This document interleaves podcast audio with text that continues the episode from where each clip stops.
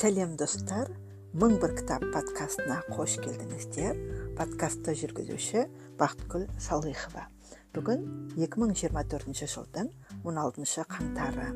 Кітап әлеміне бірге саяхаттап ойымызды кеңейте берейік. Біз алмайтын қамал біз шықпайтын шың болмасын. Қолымыздан бәрі келеді. Бүгін сіздерге аударматану ғылымы және аудармаға қойылатын талаптар тақырыбында шағын лекция дайындағанмын. Соны назарларыңызға ұсынғым келеді. Бұл лекцияда кейбір мәселелерді үстірт қана айтып өтемін. Кейінірек толықтырып нақтылап тағы лекциялар ұсынамын. Жалпы аудармаға байланысты әсіресе көркем әдеби аудармаға байланысты лекциялар ә, тізбегін ұсынғым келеді. Сондықтан келесі апталарда келесі айларда болатын подкаст эпизодтарын тыңдап жүріңіздер. Сонымен аударматану ғылымы және аудармаға қойылатын талаптар. Бірінші аударма сөзіне тоқталып өтейік аударма сөзі көп мағыналы оның екі терминологиялық мағынасына тоқталайық біріншіден бұл ұғым бір тілде көрініс тапқан мазмұнды екінші тілдің құралдары арқылы жеткізу үдерісі ретіндегі ой қызметі екіншіден осы үдерістің нәтижесі яғни ауызша немесе жазбаша мәтін де аударма деп аталады дегенмен бұл екі анықтама бір бірімен тығыз байланысты. Олардың біреуін екіншісіз анықтау мүмкін емес. Бұл тұжырымды осы мәселені зерттеумен айналысатын ғалымдардың бәрі атап өтеді.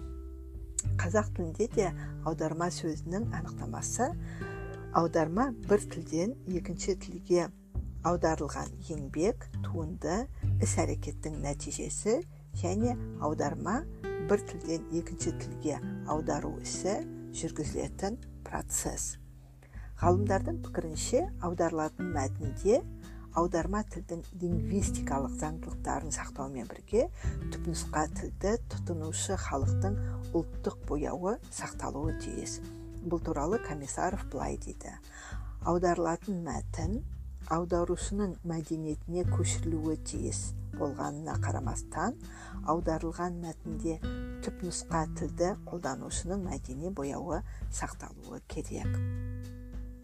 Аудару принципі мен аударманың дәл ме дәлдігі туралы ұғым уақыт өткен сайын өзгеріп отырады. Мысалы орта ғасырларда әріпшілдік сіреспе аударма басым болса бертін келе жаңғыру дәуірінде 17 он сегізінші ғасырларда еркін аударма етек алды. Одан соң әдебиет әлемінде балама аударма пайда болды. Тіл морфологиялық орфографиялық синтаксистік ережелерге бағынады. Сондықтан аударма қиын мәселе. Аудармаға қойылатын талап пен талғам да зор. Аудармаға қойылатын басты талап автордың стилистикалық өзіндігін сақтау яғни адамдардың келбет бітімі жүріс тұрысы бір біріне қалай ұқсамаса олардың сөз саптау машығы да бір біріне ұқсамайды. Ендеше сол ерекшелікті айыра білу керек. Қандай сөзді болса да кілтін тапса қазақшаға аударуға болады. Осыны естеріңізде сақтаңыздар. Аударма теориясын зерттеуде кездесетін қиындықтар өте көп. Аударма теориясы соның ішінде қазақ аудармасының теориясы жас қалыптасу дәуірін бастан кешіріп отырған кенже ғылым дейді мамандар. Міне осы себептен де қазақ аудармасының тарихы да жазылмаған екен. Дегенмен түрлі зерттеулер жүргізіліп көптеген кітаптар шығарылып жатыр. Қазақ аудармасы ұлттық мәдениетіміздің әдебиетіміз бен публицистикамыздың құрамдас бір саласы ретінде дамып отырған кезде оның теориясы тарихы жеке аудармашының шеберлігі жайында келелі пікірлер айтылады және айтыла береді. Жеке авторлардың монографиялық зерттеулері жинақтары мақалалары жарияланады жарияланып та жатыр. Аударма қызметінің ең басты мақсаты белинскийдің айтуынша халықтардың бір бірімен танысып өзара идеялар алмасуы соған орай әдебиеттерінің гүлденіп өсуі ақыл ой өрісінің үлгілері бір халық әдебиетінің екінші халық тіліне аударылуына негізделеді. Аударманың тарихын сөз еткенде оның өзі әрбір ұлттың әдебиет пен мәдениеттің құрамдас бөлігі болғандықтан ізін де дәстүрін де даму дәрежесінің қандай сатыда болған да сол ұлттың әдебиеті мен мәдениетінің тарихынан іздеген дұрыс. Демек қазақ тіліне аударылған әдеби туынды қазақ әдебиетінің қазынасына қосылған дүние ол қазақ әдебиетінің төл туындысымен туыстас жеңгелес бола алады. Қазақ аударматану ғылымының зерттелуі іргелі тұжырымдар ахмет байтұрсынұлы жұбанов мұхтар әуезов еңбектерінен бастау алады. Жиырмасыншы ғасырдың алғашқы жартысында қазақ тілінің өміршеңдігін сақтау лексикалық қорын сақтау қазақ тілін ғылым тіліне айналдыру мақсатында жасалған шаралардың басында байтұрсыновтың тіл білімінің терминдерін қазақ тіліне аударуын жұбановтың қазақ терминологиясына қатысты тұжырымдарын әуезовтың көркем аударма мәселелері төңірегіндегі пікірлерін атауға болады. Мұхтар әуезов аударма туралы ойларын бұдан әрі жалғай түсіп іле шала тағы бірнеше мақала жаралайды. Мысалы ол ревизордың аудармасы туралы қазақ әдебиетінде 1936 жылы нөмір 37 нөмірде шыққан пушкин аудармасы қазақ әдебиетіне не берді? Бұл да қазақ әдебиетінде 1937 жылы нөмір 9 бөлімінде шыққан. Евгений онегиннің қазақшасы туралы социалистік қазақстанда 1937 жылы жарық көрген. Қазақ сахнасындағы аударма пьесалар да социалистік қазақстанда 37 жылы шыққан қазақтың көркем аударма мәдениеті үшін үлкен бір белес болғалы тұрған кезеңді дәл түсініп осы құрметті істі қолға алушыларға аз да болса жәрдемі тисін деген мақсатпен арнайы жазылған мақалаларында жазушы ең алдымен аударма түпнұсқаның сөз байлығын ой тереңдігін стиль ерекшеліктерін дәл беруді міндет санайды. Әуезов аударма теоретигі есебінде осы ұстанымды өмір бойы қолдап өткен. Әуезовтен кейін аударманы салиқалы әңгіме еткен адам белгілі сыншы әдебиетші қаратаев. Оның 37 жылы жарияланған жүз жылдан кейінгі пушкин пушкин мен абай деген екі мақаласында орыс халқының ұлы ақынының адамзатқа абайға қазақ ақындарына тигізген игі әсерін әңгімелей келіп соны аударудағы қиыншылықтар мен ұстанымдарды талдап кетеді. Мұхтар әуезовтің пікірлерінен соң кейінгі жылдарда бір тілден екінші тілге аударудың тілдік мәселелеріне арналған оның ішінде көркем әдебиеттің аударылуы қарастырылған бірнеше жұмысы бар. Бірқатар жұмыстарда қазақ көркем әдебиетінің ағылшын неміс француз тілдеріне тәржімасы зерттеледі бұл еңбектер қазақ аударматану ғылымына айтарлықтай үлес қосқандығын сеніммен айта аламыз. Аударма мәселесінің шындап қолға алына бастағаны елуінші жылдар деуге болады. Осы жылдары жұртшылық қолына ахметовтың лермонтов және абай қирабаевтың спандияр көбеев жөніндегі дербисалиннің алтынсарин жөніндегі еңбектерінде де аударма үдерісі сөз болады ал 1957 жылғы конфиеваның развитие переводческого искусства в казахстане деген тұжырымдары республикамызда аударма өнерінің қалай дамып қалыптаса бастағанын сипаттайды. Елуінші жылдардың екпіні алпысыншы жылдары күшейе түспесе бәсеңдеген жоқ. Қазақ сср ғылым академиясы тіл білімі институтында тіл мәдениеті мен аударма мәселелерін ғылыми тұрғыда тексеріп талдаудың жоспары құрылып арнаулы бөлім мен топ құрылады реттелетін нысан мәселелердің басы ашылып бағыт бағдар белгіленеді алпысыншы жетпісінші жылдарда аударматану саласында бірқатар зерттеулер жүргізіледі бірақ олардағы аударма мәселелері тағы да әдебиеттің шығармашылықтың шеңберінде болады. Аударманы ғылыми зерттеу жұмыстарының нысаны мына түбегейлі айналдыруды талжанов пен сатыбалдиевті тан көруге болады. Белгілі ғалым аманжоловтың еңбектерінде де аударма мәселесі теориялық және практикалық тұрғыдан сан рет қаралып салиқалы ой пікірлер айтылған. Қазақ аударма тануына алғаш рет таза лингвистикалық тұрғыдан келген зерттеу айтбаевтың аудармадағы фразеологиялық құбылыс атты еңбегі. Бұл кітап менде бар. Кейін осы кітапқа арнайы бір эпизод арнағым келеді. Бұл жетпісінші жылдарда орыс тілінен қазақ тіліне аударылған көркем шығармалардағы фразеологиялық тілдік тілдік бірліктерді тілдік стильдік тұрғыдан жүйелі етіп талдаған алғашқы еңбек. Содан бастап ғалым әрі термин жасам мәселелерін жүйелі түрде зерттеген. Оған дәлел основа казахской терминологии қазақ терминологиясының дамуы мен қалыптасуы терминдер және олардың аудармалары. Термин жасамдағы аударманың орны атты еңбектерін атауға болады. Қазақстан республикасының шет мемлекеттер мен басқа да құрылымдармен байланыстарына орай соңғы жылдары аудару іс әрекетінің саны ұлғайды.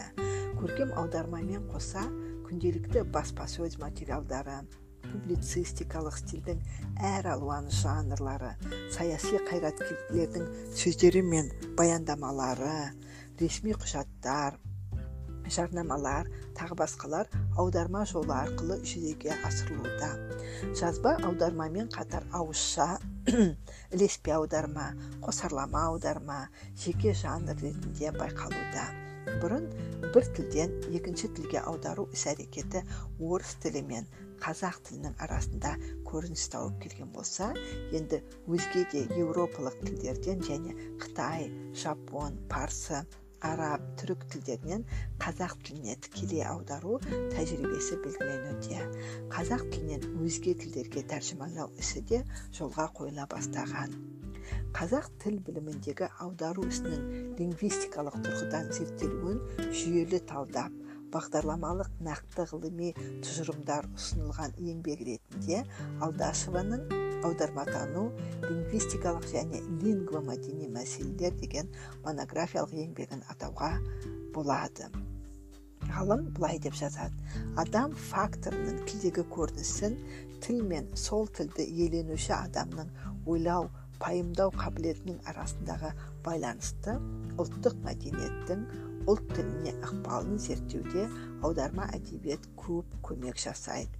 Аударма әдебиетті түп нұсқамен салыстыру бірнеше тілдерде бар. Универсалды бір ұғым образ стереотиптер үшін жұмсалатын тілдік единицалардың ұлттық мәдени құндылығын дәлірек танытуға мүмкіндік береді. Жалпы соңғы жылдары аударма теориясының шеңберінде контрастивті лингвистика және аударма универсали мәселелері жалпы теориялық мәселелер зерттеліп оқу бағдарламалары аударма ғылымының мета тіліне қатысты сөздіктер шығарылды. Сондай ақ аударманың дербес теориясына қатысты ағылшын қытай араб түрік тілдерінен қазақ тіліне аудару талдана бастады бұған байланысты бекимованың дәулетованың донбайдың еңбектерін атауға болады. Бұл қысқаша аударматанудың зерттелуі туралы айтсақ осы болады. Оған қоса мен 2021 жылы егемен қазақстан газетінде жарияланған дүйсенәлі әлмақынның аударма да ардың ісі деген материалында өткізілген дөңгелек үстелде қатысқан мамандардың пікірлері жарияланған екен.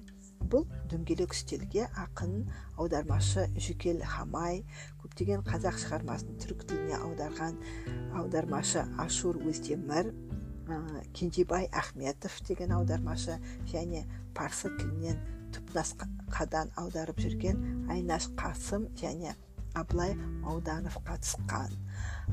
Осы мамандарға түрлі сұрақтар қойылған. Соның ішінде сұхбаттасушы қазіргі көркем аударманың жағдайы қалай?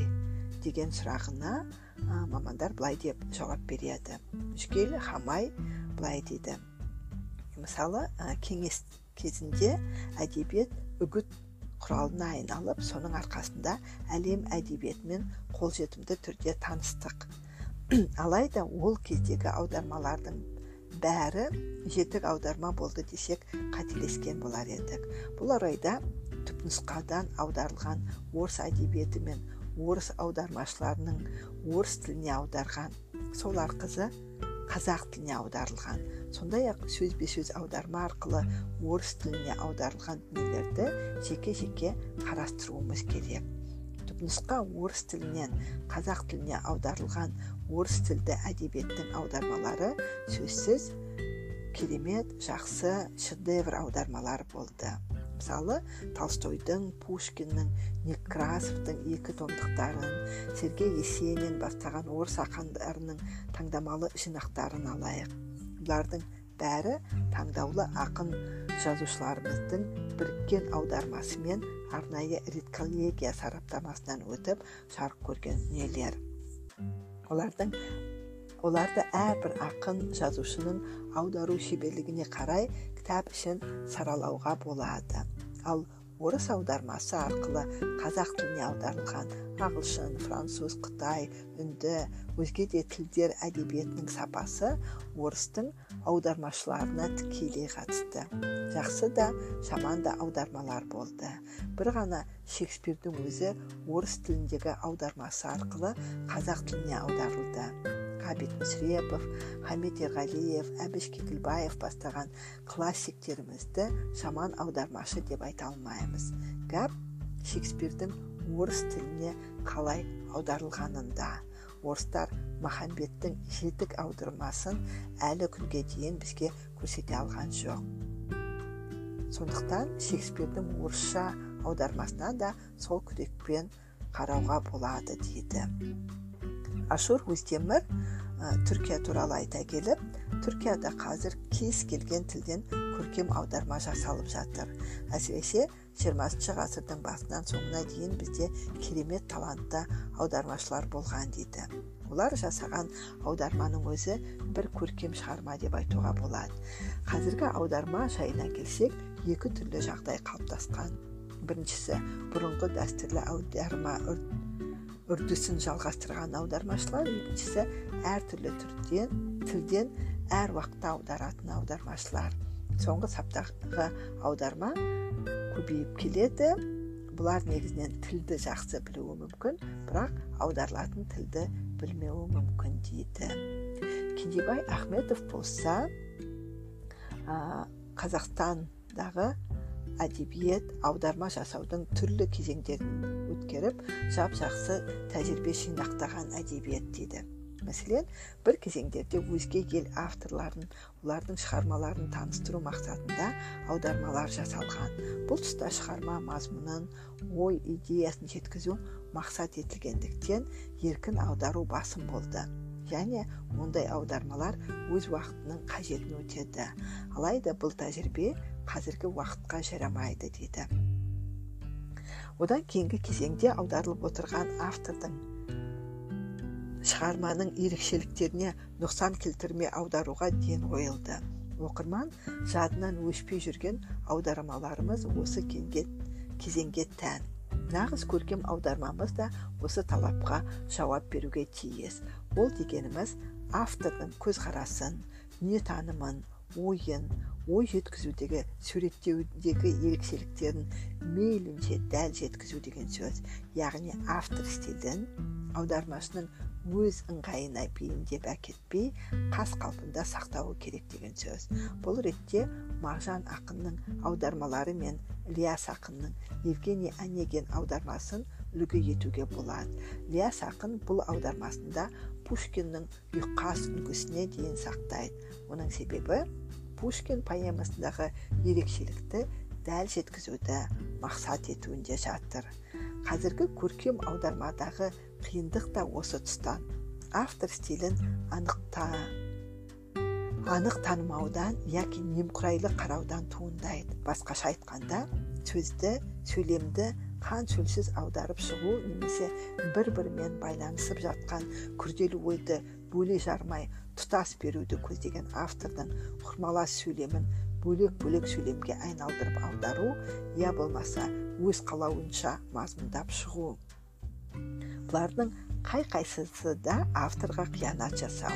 Өкініштісі осы үш жағдайдың үшеуі де қазіргі аударма тәжірибесінде кездеседі.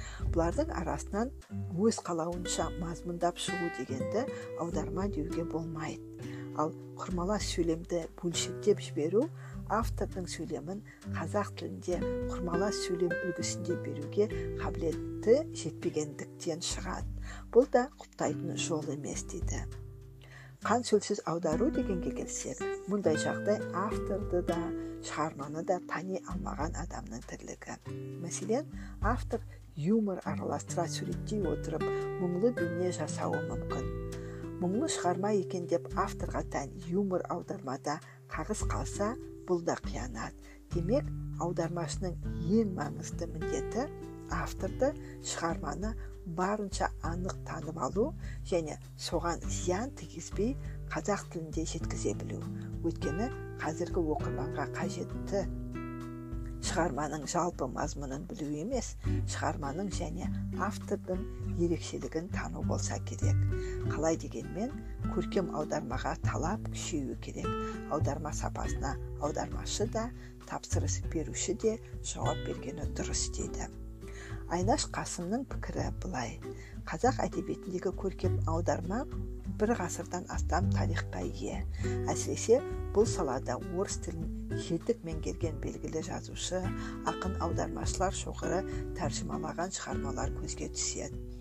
19 ғасырда ыбырай алтынсарин абай мен шәкәрім бастаған көркем аударма ісі 20 ғасырдың басында әлихан бөкейхан ахмет байтұрсынұлы жүсіпбек аймауытұлы мағжан жұмабайұлы сияқты кейінгі талантты буынның әлем әдебиетінің озық шығармаларының аудармаларымен жалғасты.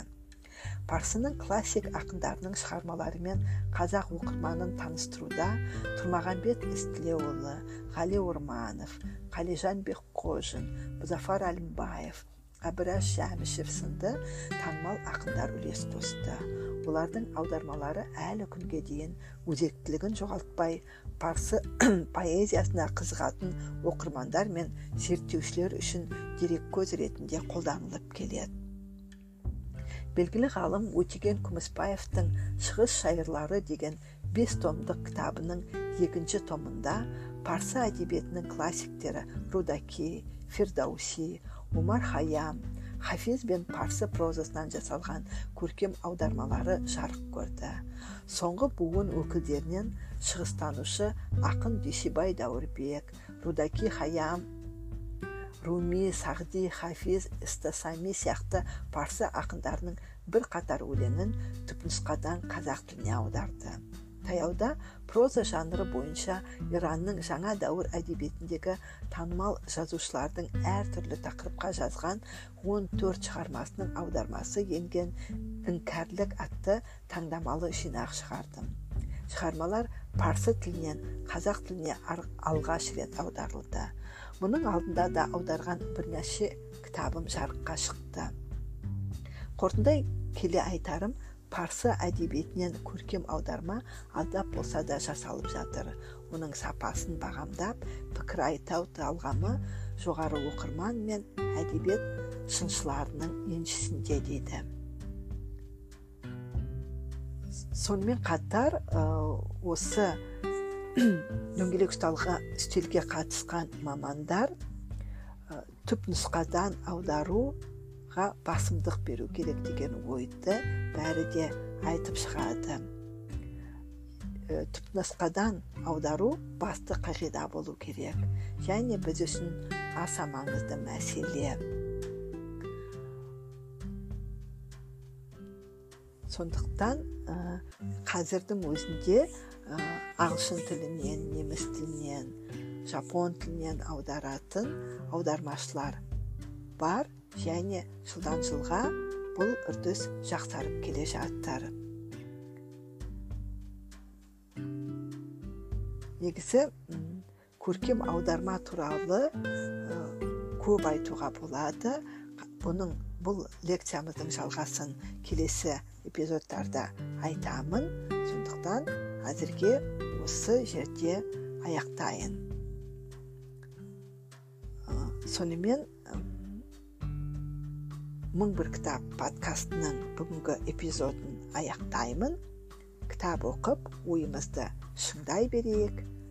Подкастты жүргізген бақытгүл салыхова келесі кездескенше сау болыңыздар.